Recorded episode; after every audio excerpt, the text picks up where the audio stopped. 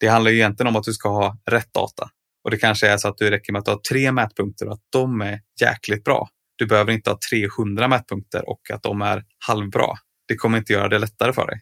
Så jag tror att det är en jätteviktig aspekt att verkligen försöka bryta ner och använda sig av. Men det är de här sakerna vi ska faktiskt ska titta på och inte bara pusha in alla events och alla interaktioner högt och lågt. För där någonstans gör man det också mycket mer komplext och man försvårar det för sig själv helt enkelt.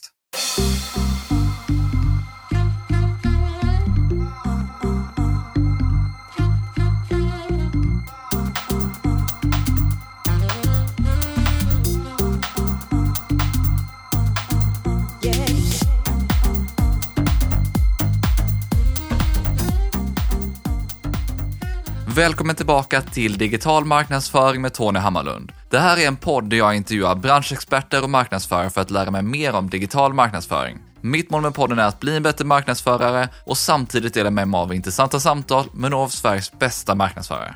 Det här är det fjärde avsnittet av fem som jag gör tillsammans med Konversionista. En poddserie där vi utforskar fem viktiga områden inom konverteringsoptimering och framtiden för dessa. Den här gången har jag med mig Max Hammarberg som är Data Quality Expert och en del av Data Quality-teamet på Konventionista i Stockholm. Där har han varit med och byggt upp teamet som nu består av 12 personer fokuserade enbart på datakvalitet.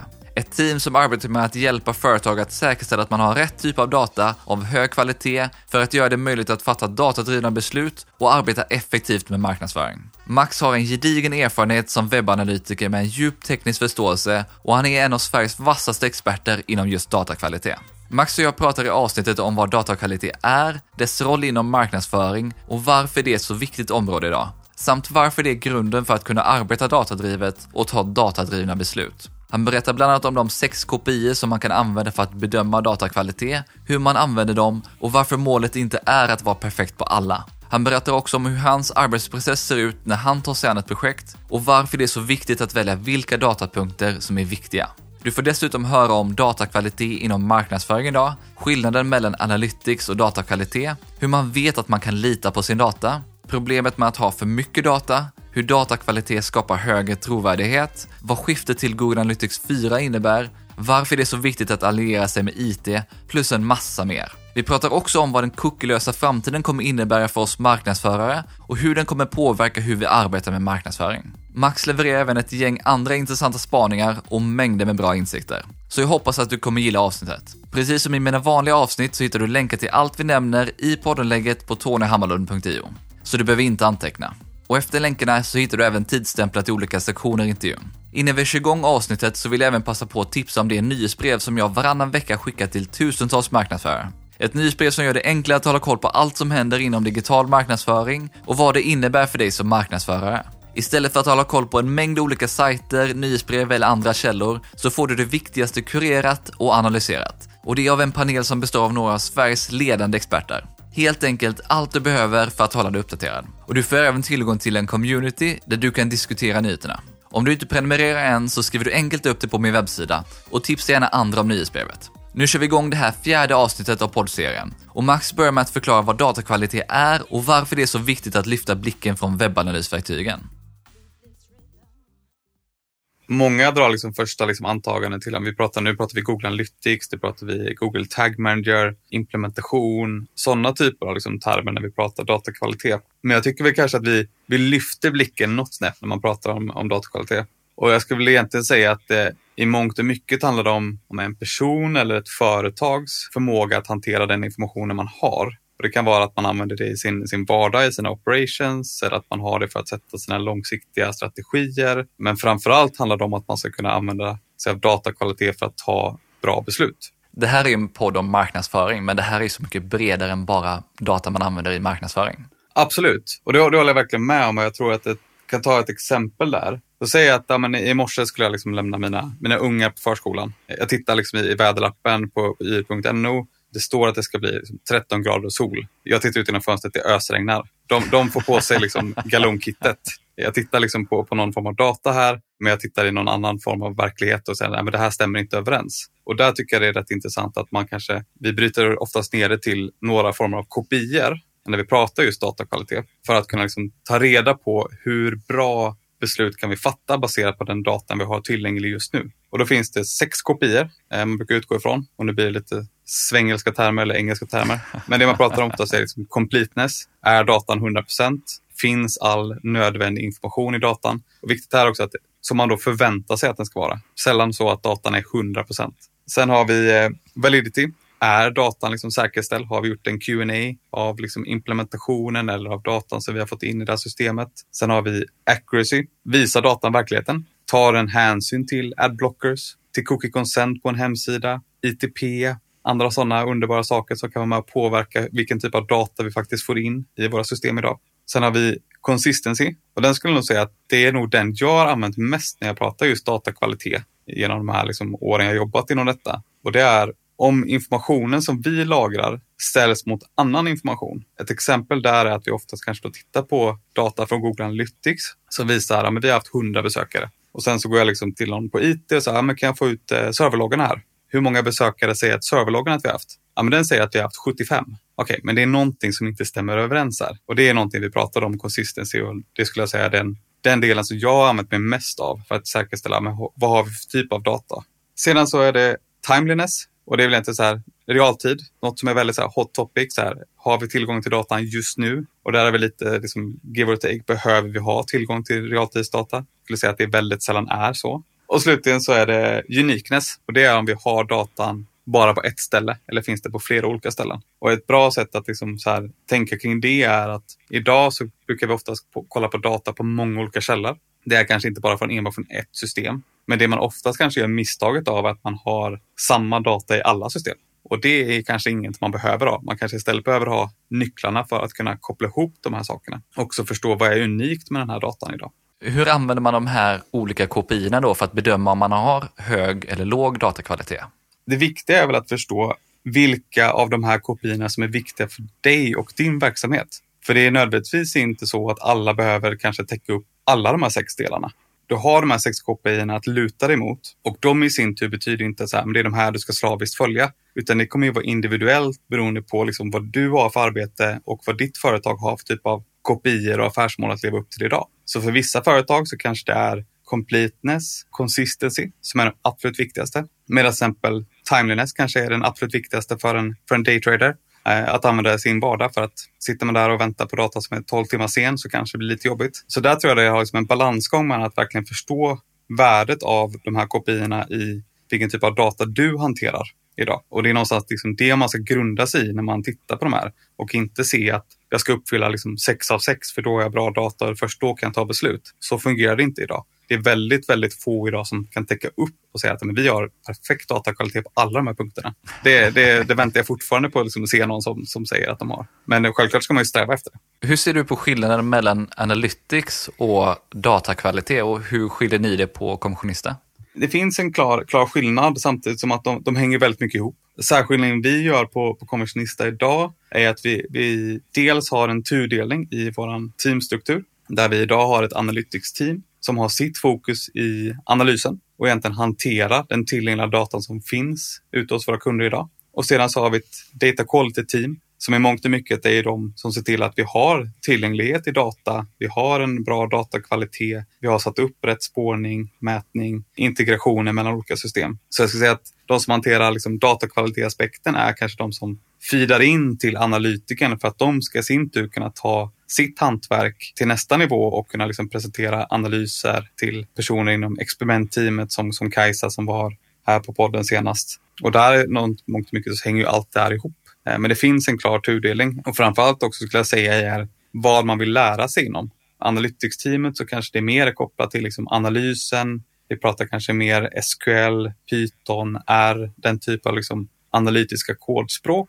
Medan i data quality så sitter vi och pratar kanske då mer privacy, tekniska liksom, eh, implementationer, single page applications, mer, mer åt ITs håll i mångt och mycket skulle jag säga. Så det finns en klar tudelning och det finns också då en, en klar kanske skillnad i kompetens.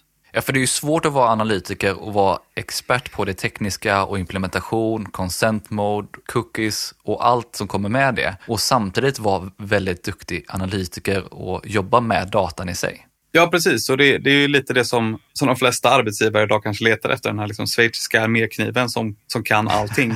Och det är också där vi, vi egentligen såg för några år sedan ett, ett glapp, att det börjar liksom bli två olika typer av kompetenser och mer och mer bolag börjar fråga efter kanske mer den här personen som verkligen ska ha stenkoll på Privacy-lagar, cookie consent, implementation samtidigt som man fortfarande driver liksom vidare analysspåret. Så vi vill göra den tudelningen och framförallt också för våra liksom konsulter att du ska inte behöva kunna allting. Du ska verkligen kunna djupdyka i det som du tycker är intressant och verkligen bli bäst på det du vill göra.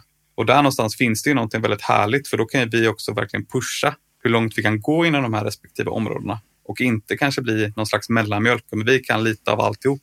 För någonstans där så tappar man bort sig själv tror jag. Ja, men det här är ju ni på Konventionista ser på de här två områdena egentligen, analys och datakvalitet. Men vilken roll skulle du säga att datakvalitet har på företag idag och inte minst i arbetet att bli datadriven? Jag skulle säga att det finns två aspekter till det. En grundas oftast i kanske vem är det som har det högst på agendan när det kommer till privacy och den typen av liksom frågor. Då kan det ju oftast komma, skulle jag säga, ifrån ITs håll, IT-organisationen. Och där ser jag en tendens att vi, vi hamnar ibland hos IT och är liksom en del, stor delaktighet i, i hur de ska jobba med de olika tredjepartsleverantörerna, egenbyggda AB-testverktyg, egenbyggda analysverktyg och så vidare. Så det, det, är en aspekt av det. Sen tror jag liksom när just när det kommer till att driva en datakvalitetsagenda så är det väldigt också kopplat till att jobba datadrivet som bolag. Det hänger väldigt mycket ihop att många bolag idag vill vara datadrivna. Man har en strävan att jobba datadrivet, ta datadrivna beslut. Och då blir också en sån här roll väldigt, väldigt viktig i en organisation. För att med datakvalitet och med den typen av kompetens och expertis inom området så kan man också skapa en högre trovärdighet för datan. På så sätt kan man ju också liksom ta enklare beslut. Man kan driva frågor på ett kanske snabbare sätt. Det behövs kanske inte lika mycket konsent i, i organisationen och inte lika mycket politik däremellan att det finns svart på vitt att så här ser datan ut och det är det vi ska agera på. Det här tänkte jag på innan också, för alla som har jobbat med analys i någon bemärkelse har ju fått den här frågan, stämmer verkligen den här datan? Så hur vet man verkligen att datan stämmer? Det är väl den viktiga frågan här. Det där, det där känner man ju, känner man ju igen sedan innan. Liksom. Jag tycker ett, ett rätt intressant sätt att se på det är att med data i mångt och mycket är guilty until proven innocent. Och inte liksom så här, den motsatta effekten av att säga innocent until proven guilty. Och någonstans har det väl någon liksom tendens av att man har stått kanske på något månadsmöte, presenterat säljsiffror som man inte riktigt stämmer. Man har det lite i magkänslan. Man ska presentera säljsiffror eller besök på sajten som har ökat med 1000 procent. Men eh, det är bottrafik som har kommit in. Och någonstans där så behöver man jobba med just trovärdighet kring data. Och när man pratar kring just trovärdighet så skulle jag egentligen koppla det till kompetens och erfarenhet. Så säg att man står där liksom på en brygga, man ska ut till sjöss, man ser att det är liksom på väderappen återigen, står att det ska blåsa upp till storm. Det står två båtar vid kajen. En är en liksom sprillans ny motorbåt, men det är en helt rookie bakom ratten. Bredvid den så står liksom en eh, gammal segelbåt som ser ut att ha liksom åkt ett varv runt jorden för mycket, men med en lika erfaren kapten bredvid. Och någonstans där så tror jag beslutet blir rätt enkelt för många, vilken båt man hoppar på. Och det är också där jag tycker också som visar hur man ska tänka kring kanske datakvalitet och vad man ska investera i när man just pratar om detta. Och det kanske mer är personer och kompetens snarare att man ska liksom köpa ett nytt verktyg är min rekommendation. För jag tror alla liksom har en, eh, ett minne av att någon kommer, kommer runt hörnet och säger att just deras verktyg ska förändra deras upplevelse på sajten eller det här ska bli det bästa som, som någonsin har hänt och vi kommer få världens bästa cookie consent eller bättre retargeting. Och det tror jag inte riktigt alltid speglar verkligheten. Men hur vet man att man verkligen kan lita på sin data? Det skulle jag säga att man kan göra med delvis titta på de här olika kopiorna som jag nämnde sedan tidigare. Och framförallt tror jag det handlar om att man har en grundförståelse i hur faktiskt de här verktygen hämtar in datan. Att man verkligen går ner till byggstenarna. Hur interagerar vårt skript på sajten? Och därifrån egentligen se vilken typ av kvalitet du har på datan i form av att du verkligen säkerställer att du har rätt implementation, du har en, en säkerställd liksom, grundnivå av data och då kanske du väljer ut vissa typer av mätpunkter i din data som är så här, det är de här tre sakerna jag ska ha stenkoll på och verkligen säkerställa att de är korrekta. Det kan vara till exempel antal besök på sajten. Stämmer den överens mellan Google Analytics, mellan servrarna, mellan Google Ads, mellan Facebook? För att nämna några få. Okej, okay, men det, det, säger ungefär samma sak. Ja, men det, då har vi någonting att stå på och luta på där. En annan sak skulle vara till exempel transaktionerna. Det tror jag är en, en sak som, som många tittar på eh, idag, framförallt också när man jämför mellan olika system. Du tittar kanske på ekonomisystemet, du tittar i Google Analytics, du tittar i Facebook, du tittar i Google Ads. Okej, okay. stämmer det överens? Ja eller nej? Okej, okay, men det stämmer inte riktigt överens. Var är det någonstans det börjar glappa? Och därifrån börjar man jobba med just datakvalitet och hitta liksom, vad är det för typ av nivå vi ska ligga på och vad är det för typ av antaganden jag kan ta ut baserat på de här typen av analyserna av vår data idag. Och det är egentligen där någonstans vi jobbar väldigt mycket när det just kommer till datakvalitet. Att här, hitta liksom balansgången med att nu har vi en tillräckligt liksom good enough uppsättning här så att vi verkligen kan ta de besluten vi måste ta. Och I vissa fall så kanske man behöver iterera, förändra, förbättra för att verkligen komma upp till den nivån. Så att men nu kan vi säkerställa att nu är det liksom 99 procent bra här. Okej, okay, men då kanske vi inte ska lägga liksom 200 timmar till på att öka med 1 procent till. Det är någonstans där vi, vi hamnar. Men det här är väl en sån jättebra insikt att ta med sig att det är inte att allting ska vara hundraprocentigt utan att titta på vad är det som är viktigt att vi verkligen kan lita på. Exakt, och jag kan också säga för att, för att exemplifiera när man pratar just kring, kring datakvalitet och framförallt nu när liksom cookie consent och GDPR, de här sakerna har kommit in på plats, så kanske man vet om att ja, men nu har vi, tidigare hade vi 100 besökare på sajten, ja men nu har vi 80 besökare på sajten. Och då kanske så här, men vi, vi tappar 15 besökare för de säger nej till vår cookie consent. Och sen tappar vi fyra besökare för de har adblockers på. Och så har vi en som är unaccounted for. Okej, okay, men ska vi verkligen lägga massa tid på att ta reda på vad den en procenten gör? Eller ska vi liksom fokusera på att kanske förbättra vår cookie consent-lösning så vi får tre till att tacka ja istället? Så någonstans ska man ju ta en avvägning i vilken typ av data man ska värdesätta och vad man faktiskt ska jobba med för typ av data. Och för att kunna komma fram till det här så behöver man ju, som du är inne på då, ha rätt typ av personer med sig, inte bara ta verktygen och plattformarna. Ja, men definitivt. Det är ju mångt och mycket fortfarande en djungel när det kommer till verktyg, plattformar, bygga eget, köpa in. Och det finns liksom ingen lösning så men, som jag kan säga, men det är, här, det är den här lösningen ska Köp de här tre verktygen, allt kommer bli superbra. Det funkar liksom inte riktigt så. Och det är just för att det är ju så många byggstenar som är levande, som du är beroende av när du jobbar inom det här området. Du har liksom en hemsida, den kanske är byggd i någon single page application eller någon gammal legacy Microsoft-miljö som man knappt liksom vill röra för att det är liksom ett, ett isberg som snart välter. Alla de delarna spelar ju någonstans roll när man pratar kring data som du är beroende av. Så där behöver du liksom ha en förståelse för det totala liksom ekosystemet och framförallt också när man pratar kring kanske marknadsföringsdelarna. Där bör du ta aspekter som kanske ligger utanför din egen domän så ligger någon helt annanstans som du ska börja samla in data ifrån. Hur ska du ställa dig till den informationen? Ska du ha samma liksom, verktyg att analysera det som du också köper annonser via? Det finns många aspekter att ta, ta ställning till. Det där är ett helt eget avsnitt i sig, just hur ska man tänka när man faktiskt också börjar ta in den typ av data i den här mixen. Och när du nämner marknadsföring, hur viktigt skulle du säga att datakvalitet är inom just marknadsföring och konverteringsoptimering?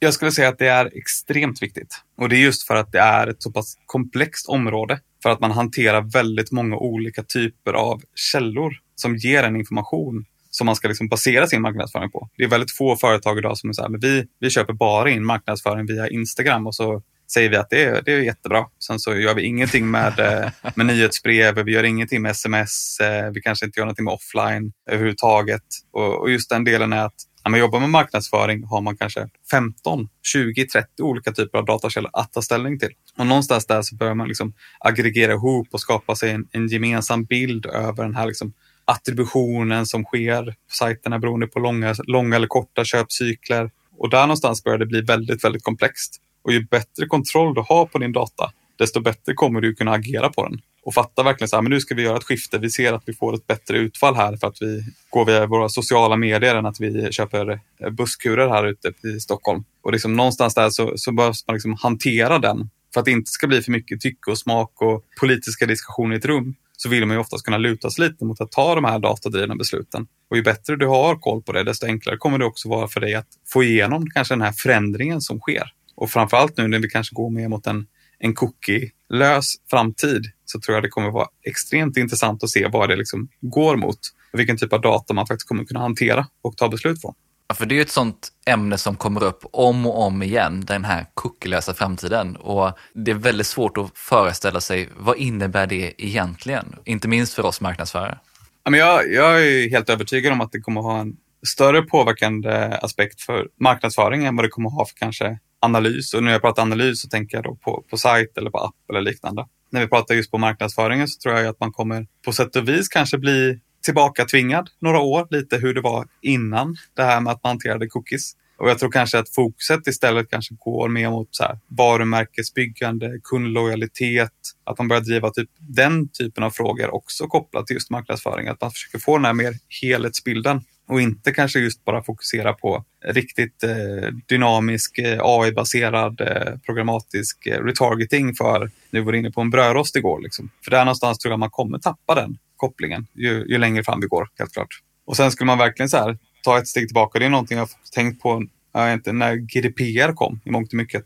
Vad hade hänt ifall det hade kommit för 15 år sedan? Hur hade det sett ut idag istället? Och då tror jag att väldigt många hade jobbat med ett inloggat läge och att man har jobbat med att skapa liksom en kundupplevelse som hade varit i fokus. Lite som att du går in i en, i en butik på stan idag. Att du, så här, du ska få en upplevelse när du går in i den här butiken. Det är liksom det som ska sälja på något sätt. Men i och med att man har haft den här tekniska utvecklingen så kan man ha gått ifrån det. Och det är inte det som har varit i fokus. Så jag tror de som har utvecklat den upplevelsen kommer nog kunna tjäna på det i långa loppet. Den här kuckelösa framtiden pratas det ju mycket om, men det pratas ju väldigt mycket i Europa just nu om GDPR, Google Analytics och huruvida inte minst det är lagligt eller inte. Ja, men det, det gör det minst sagt. Och senast här var det väl Danmark som basunerade ut att eh, Google Analytics är nu mera olagligt. Och där, där, finns det väl lite liksom att, att prata om definitivt. Först skulle jag säga att Google Analytics i sig kanske inte är olagligt, utan snarare hur man har faktiskt implementerat det. Frankrike som är ett av de länder som också har nämnt det har ju även gått ut med information på hur man kan implementera det på ett lagligt sätt. Så det, det finns liksom något här i hur man kommunicerar kring de här besluten men också faktiskt vad man kan göra för att arbeta med dem. Men varför pratas det så mycket om Google Analytics enbart? För det finns ju så många andra viktiga plattformar där man hanterar väldigt mycket data och väldigt mycket personlig data men så är det helt klart och eh, där tror jag det är, i mångt och mycket är det ju brand. Om, om, man, skulle, om man skulle slå upp liksom på, på första sidan att amen, där är lilla liksom företaget i New Orleans som har byggt en, en analytics-lösning som vi inte längre får använda, som ingen vet namnet på, så skulle inte det slå lika hårt som att det är Google Analytics, stora giganten och techjätten Google som man står och liksom pratar om. Så i mångt och mycket är ju det här beslutet baserat på alla egentligen verktyg som hanterar det på samma sätt. Det finns ju CRM-verktyg, det finns marknadsföringsverktyg som också har den här problematiken som man inte egentligen kan använda idag. Men det är ju någonting som inte kanske då skrivs om i lika stor utsträckning, utan det är någonting man får, får läsa på själv när man verkligen går in i de här liksom texterna. Och jag tror att det här är ju bara liksom första startskottet vi börjar se kring detta. Sen också att eh, ta i aspekt att det har ju också tagit fyra och ett halvt år sen GDPR tills vi har kommit hit. Att det är så här, det här är ingenting som liksom kommit över en natt. Det är inget jag är direkt förvånad över. Jag är snarare förvånad över att det har tagit så här lång tid innan vi har kommit hit. Men där minns jag ju själv när man liksom pratade kring GDPR för fem år sedan innan det hade kommit. Det var liksom ingen som ville prata om det då. Det var lite huvudet i sanden-känslan. Vem ville göra en cookie consent-lösning som förstörde ens eh, marknadsföringsmöjligheter eller uppföljningsmöjligheter på hemsidan? Men nu någonstans har vi kommit så pass långt och faktiskt är i fatt i mångt och mycket. Den lagstiftning som kom 2018. Och det är någonstans där liksom att det, det, finns ett tidsaspekt och ett lagg på det som någonstans nu börjar liksom komma ifatt oss. Så jag skulle inte vara förvånad att det, det kommer vara fler länder här som kommer komma ut med samma information. Sen får vi se när det, om det kommer till Sverige eller när det kommer till Sverige. Men jag tror att det är någonting man behöver definitivt titta på och förbereda sig för. Om vi skiftar fokus lite till arbetsprocessen kring det här, hur man faktiskt säkerställer att man har hög datakvalitet. Hur brukar du dela upp det arbetet och vilka steg eller processer är det man går igenom?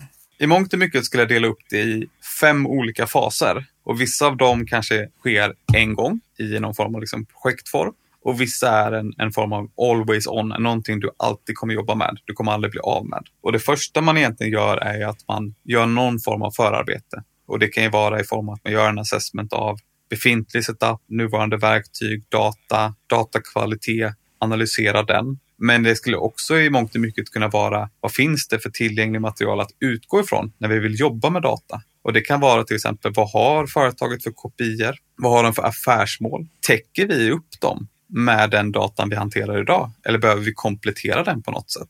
Och när man gjort den fasen, då kan man också gå in i så här, men hur ska vi faktiskt genomföra detta? Hur ska vi gå från A till B här? Nu vet vi ungefär vad vi behöver göra, vi vet var vi står någonstans och nu ska vi gå vidare och genomföra det. Och där är det självklart att man sätter upp en, en projektplan, i, kan man göra i Gantt-scheman, checklister, MVP1, nice to haves, för att nämna liksom ett, ett fåtal aspekter på att göra det på. Men framför allt också skulle jag säga att det handlar om att aligna sig med olika delar av verksamheten och också vara liksom personen som lyssnar in vad verksamheten behöver. För väldigt många kommer säga att jag vill ha den här datan, jag behöver den här datan. Och då bör man samla in den kravbilden från hela organisationen innan vi ska liksom sätta upp detta. Och då på så sätt kan du också bygga lite där, vilka personer ska du stämma av med längs med vägen tills vi faktiskt kommit från A till B här. Och jag skulle säga ett tips är mångt mycket också alliera sig lite med IT, aldrig fel. Det är en bra, bra sak att göra.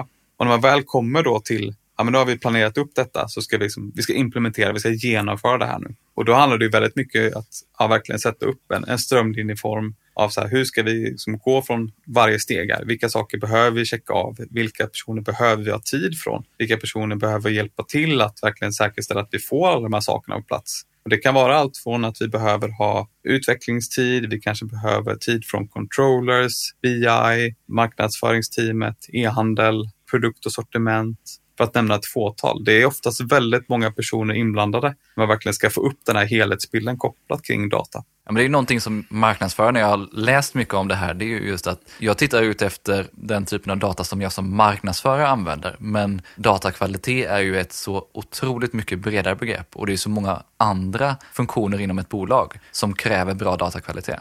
Oh ja, och där, där tycker jag också det när man, när man just kommer in i den fasen och kanske börjar då prata med olika personer på olika avdelningar så behöver man också hitta att men de är ju faktiskt med och påverkar varandra.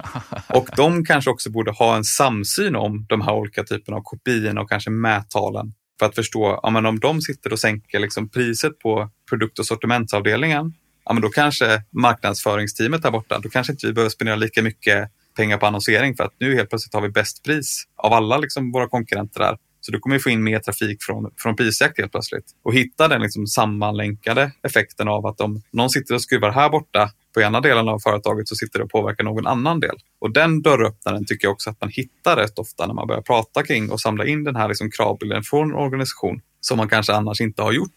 Eller som du var inne på i början med de här kopiorna, den här consistency, hur data kommer in i en sfär. För inom en avdelning så kanske man puttar in data på ett visst sätt och på en annan avdelning så är det på ett helt annat sätt. Bara en sån enkel sak som hur postnummer eller telefonnummer eller andra typer av enkla datapunkter kommer in där det kraschar för att man gör på olika sätt.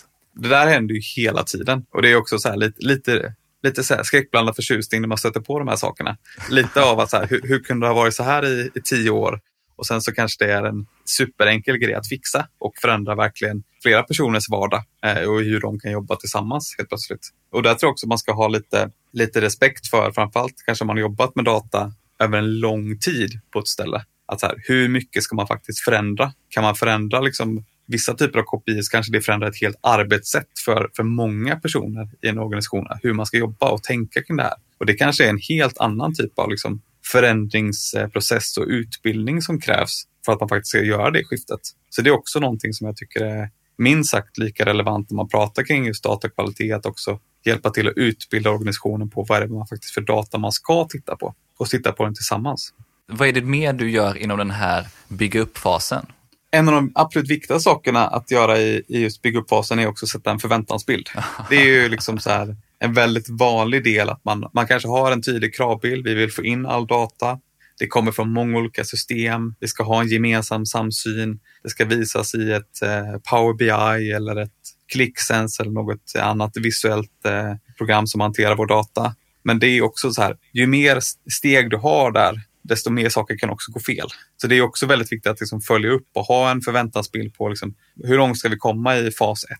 Hur långt ska vi komma i fas 2? När är vi klara med detta? Vi kanske aldrig är klara med detta, men vi ska i alla fall komma upp till att vi är liksom, alla har fått sina kopior täckta till 90 procent. Ja, men då har de mer än tillräckligt kanske att kunna göra sitt dagliga arbete. Och sen så ska vi börja fortsätta addera på det. Och det är lite det som jag pratade om att så här, vissa av de här sakerna kommer vi aldrig bli klara med. För helt plötsligt så är det nya kopior som ska in. Det är nya mättal som ska förändras eller förbättras. Vi kanske hittar något annat sätt vi vill mäta just hur den här delen av sajten presterar som vi tidigare inte tittade på. Och där i sin tur blir det ju det viktigt egentligen den här eftervarande delen som jag inte skulle definiera i två olika aspekter. En är ju själva governance-delen. Hur ska man hantera när man har detta på plats? Och sätta upp den strukturen för att verkligen kanske då minimera olika typer av risker för att det blir fel eller att det uppdateras på en hemsida eller en app eller något system som helt plötsligt skickar fel feed eller att postnumren nu har ett mellanslag mellan de första tre siffrorna och de sista två. Hur ska vi hantera den delen och verkligen dokumentera upp en struktur kring det? Och sen har vi ju slutligen den här förvaltningsdelen. När vi har kommit upp till en bra grundnivå vi har liksom en, en platå att, att stå på, kanske också luta sig mot en och annan vägg. Så, så har vi liksom ett, ett sätt vi, vi kan liksom börja liksom kanske då optimisera och förbättra vår datakvalitet. För det är någonstans det också som blir det här liksom extra värdet av att men kan vi öka vår datakvalitet med några procent hit? Kan vi få lite bättre underlag för våra beslutsfattare att ta verkligen kanske tuffa beslut eller kan vi agera snabbare för att vi får bättre realtidsdata? Det finns hela tiden saker att labba med. Och återigen så kommer man tillbaka lite till de här kopiorna jag nämnde i början. Så här, vilka ska du faktiskt fokusera på? Och det kommer alltid skilja sig åt.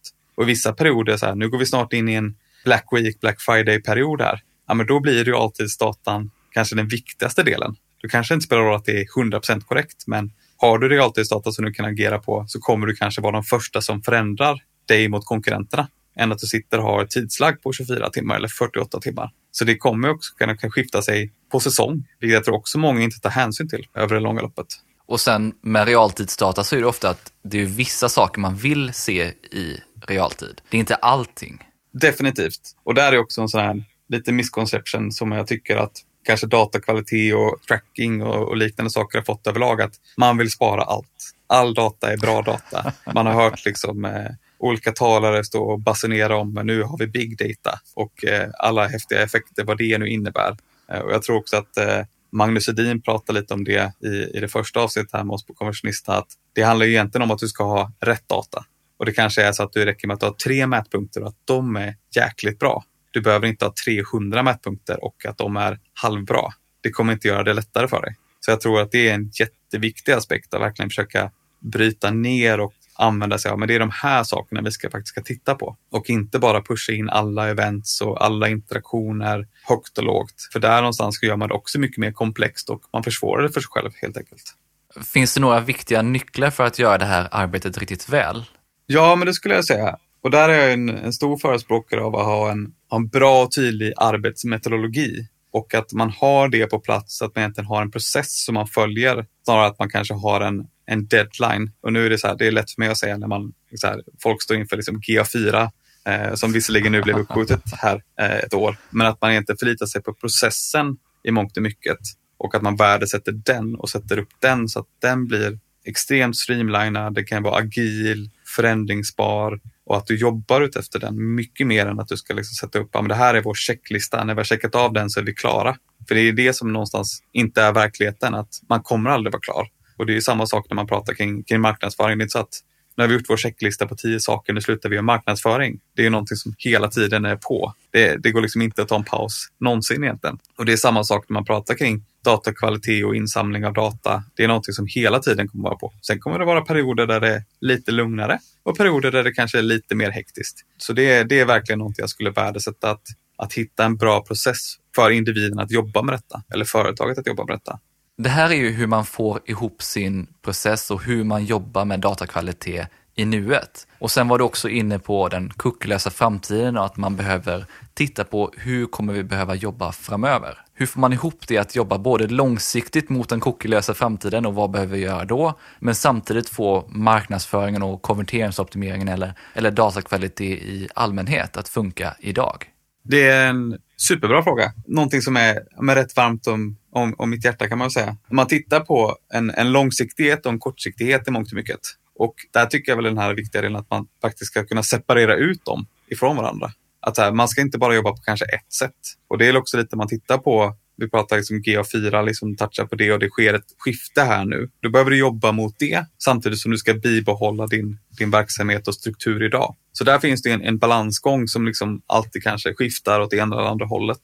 Men när man verkligen ska ta sig an och kanske få möjligheten att kanske titta lite mer långsiktigt i hur man ska jobba med de här frågorna. Då tittar jag ofta på liksom, hur kan vi bygga en, en skalbar lösning som är oberoende från verktyg i mångt och mycket kanske ska hålla 5-10 år. Det är någonstans här, hittar vi den delen som också täcker in privacy, cookie consent, alla de aspekterna, då har man ju verkligen lyckats. Och det är inte superlätt kan jag säga och kräver ju liksom en viss typ av effort. Men när man väl har kommit dit så börjar man också här, hitta möjligheterna skulle jag säga, snarare att man kanske låser in sig i, i verktyg. Och det tycker jag väl är det som är lite mer intressant nu när man tittar på det som har skett lite med just privacy, med eh, GA4. Det kommer många nya intressanta liksom, verktyg på marknaden. Vissa börjar bygga egna liksom, end-to-end lösningar för att man har kompetensen in-house. Det finns liksom både utvecklare och eh, data quality-experter som säger att vi kan bygga det här själva. Varför ska vi ha ett, ens ett Google Analytics-verktyg som har detta? Och det tycker jag är en väldigt häftig framtid att titta lite mot. Men också när man tar liksom ett steg tillbaka så, så här, men vi måste fortfarande tillgodose det vi gör idag. För det är ju liksom så här, det, det är det faktiskt, gör vi inte det jobbet vi gör idag så kommer vi inte kunna liksom få nyttan av det som vi sitter och planerar för här framåt. Det är väl det som är den stora nyckeln, inte minst inom marknadsföring, där man hela tiden behöver göra vad som krävs nu för att lyckas väl. Släpper man ögonen för mycket från det och tittar för långt bort så tappar man konkurrenskraft nu.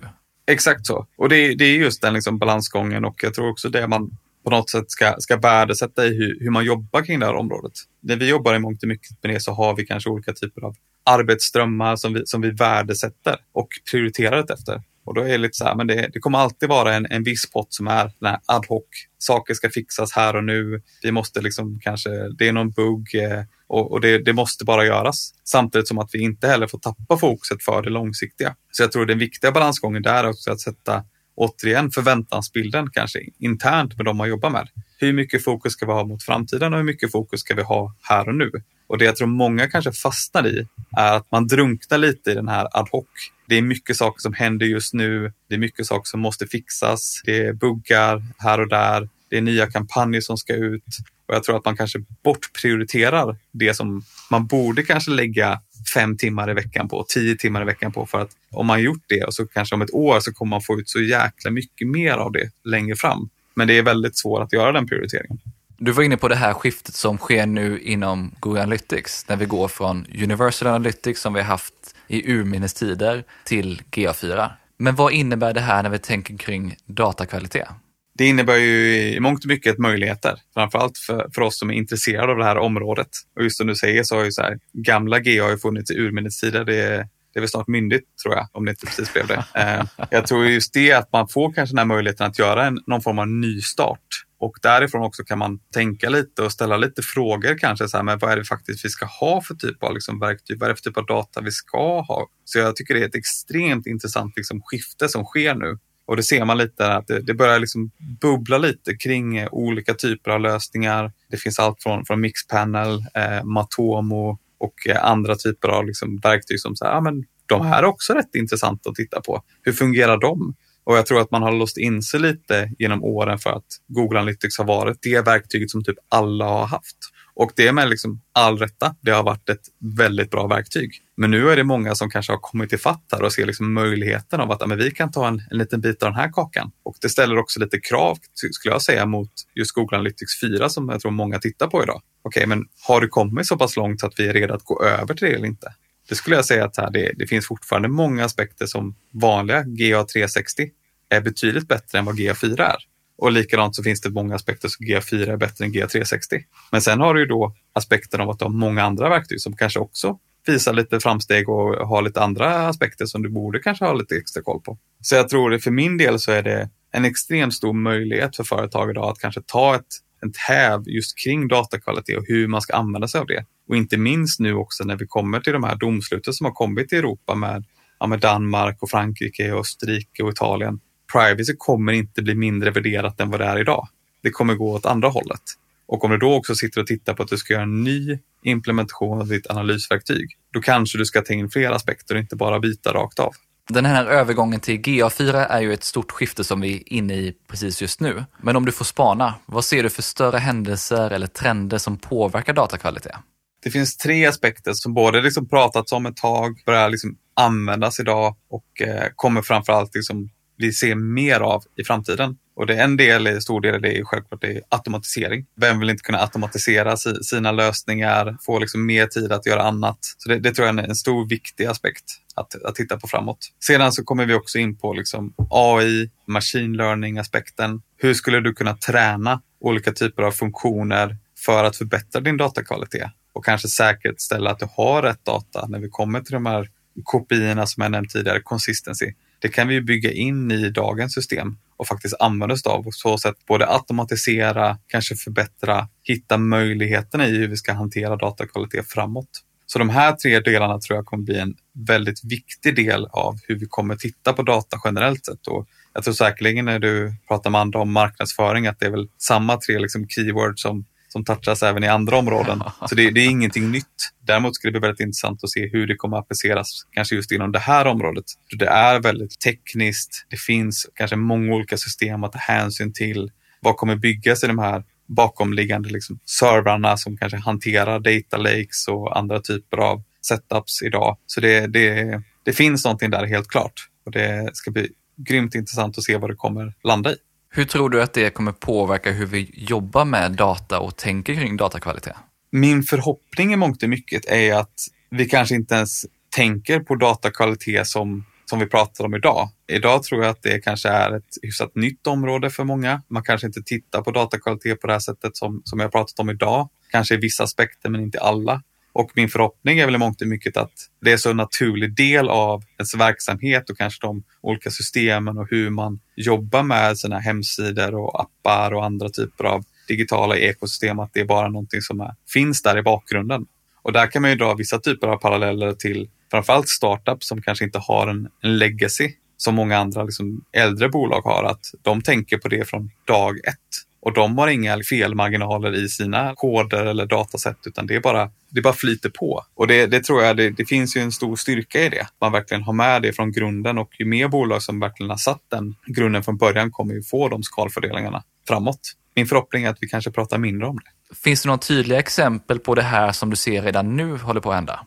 Ja, men jag skulle, jag skulle säga att det finns, det finns en tydlig aspekt kopplat till detta som sker just nu och det, det är lite till det som, som vi pratade om tidigare som har kopplat till, till privacy för att liksom exemplifiera där när vi tittar på kanske automatisering och den aspekten för att just kanske hantera den, den frågeställningen. Hur ska vi hantera privacy i form av datakvalitet? Och där vet du själv och varit med om och, och byggt lösningar för att vi kanske har eh, system som filtrerar data i realtid baserat på svenska folkbokföringsregistret så att jag kan garantera till Legal att ingen som är med i svenska folkbokföringsregistret kommer ha några personuppgifter i vår data. Och där är, är vi ju redan idag. Och det är också en väldigt liksom, intressant aspekt kopplat till liksom, privacy som vi kanske inte hade byggt ifall det inte hade kommit. Och det är väl lite det som jag tror blir den här liksom, när vi, när vi pratar kring vad är det som tvingar oss att utvecklas. Och där tror jag till stor del att just privacy och GDPR, ITP, de här typerna av frågeställningar kommer göra att vi är tvungna att utvecklas mycket snabbare än vad vi annars kanske hade gjort inom det här området. Och där är vi verkligen idag. Och jag vet att väldigt många tittar och jobbar utefter. Och framförallt då för att säkerställa att vi har rätt data, vi kan hantera den på rätt sätt och framförallt att vi värdesätter den på ett sådant sätt att vi faktiskt kan använda oss av den. Och att vi inte bara sitter och samlar på oss all världens mängd av data för att det är nice to have i, i en källare. Och det, det, tycker jag väl någonstans är lite, det är lite fint i någonstans att det, vi har kommit till den punkten. Att vi faktiskt ser, ser det faktiska värdet i det. Ja, det här med att data är det nya guldet, det är ju hälften sant, för det är som du är inne på, det är ju rätt typ av data. Att bara samla på sig all data man kan, det har ju snarare blivit en sårbarhet för en, inte minst om man är ett europeiskt företag. Ja, definitivt. Och jag tror också att man, man ska inte också underskatta kostnaden för att man ska spara på allting. Där tror jag man kan, kan väl dra ett... Eh, jag tror väl Google kom ut med sin rapport här nyligen och eh, jag tror att man tittar på hur mycket serverkapacitet som, som Youtube kräver idag i form av att de sparar all data. Så börjar det kanske kosta lite för mycket än att du ska sitta och spara videos som är tio år gamla som ingen tittar på längre. Och jag tror någonstans där också att man faktiskt börja titta på vad, vad är värdet av det långsiktigt och kortsiktigt. Och jag tror någonstans där så börjar vi också komma, vi kan inte dra slutsatser som är för gamla heller för att det sker så mycket förändring på marknaden. En sista fråga. Hur tror du att det här kommer påverka hur vi jobbar med marknadsföring framöver? Jag tror att den största påverkan i hur vi kommer jobba på marknadsföring var lite det som vi var inne på tidigare med just den här cookielösa framtiden. Det kommer vara en, en stor förändring som, som kommer ske. Och jag tror att det intressanta där är nog att man kanske värdesätter kreativitet i en, i en högre grad än man kanske gjort tidigare i en kombination med att man jobbar datadrivet. Det känns som att vi tidigare kanske värdesatte kreativiteten i form av att du ska ha de här häftiga reklamkampanjerna och den delen. Och sen så har man gått över över den senaste kanske 10-15 åren med att mer jobba datadrivet. Och någonstans nu kommer vi nog mötas i en mix av det framåt. Så det tycker jag ska bli väldigt intressant. Det där var Max Hammarberg om datakvalitet. Jag hoppas att du precis som jag har fått en bättre förståelse för vad datakvalitet är och dess roll inom både marknadsföring och vår förmåga att fatta datadrivna beslut med högre trovärdighet. Det var också väldigt intressant att höra hur han ser på framtiden för området, inte minst hur han ser att den cookielösa framtiden kommer påverka marknadsföring. Vad tog du med dig? Dela gärna avsnittet eller skicka ett DM. Du hittar som vanligt länkar till allt vi nämnde i poddenlägget på tonyhammarlund.io, plus ett antal extra länkar för dig som vill läsa mer om datakvalitet, och även länkar till de vanligaste verktygen för webbanalys idag. Tyckte du om det här avsnittet så hoppas jag att du fortsätter lyssna på den här poddserien som jag gör tillsammans med Konventionista. Det femte och sista avsnittet i serien är med Daniel Lundqvist om Analytics där vi går djupare inom kvantitativ analys. Jag vill även passa på att tipsa om Konversionistas utbildningsprogram som heter Conversion Manager. Det körs två gånger om året och man får lära sig deras metodik för att arbeta mer datadrivet och förbättra sin konvertering. Och nytt för i år är också att man kan välja att gå enskilda utbildningsdagar. Du som använder koden Hammarlund vid anmälan får 1000 kronor i rabatt på valfri dag eller 10% på hela programmet. Mer information finns på conversionmanager.se och du hittar självklart länken i poddenläget. Sist men inte minst vill jag passa på att tacka Mikael Lindberg på Better Waves som hjälper till med att producera den här podden och stå för musiken. Vi hörs snart igen med fler intressanta gäster och ämnen.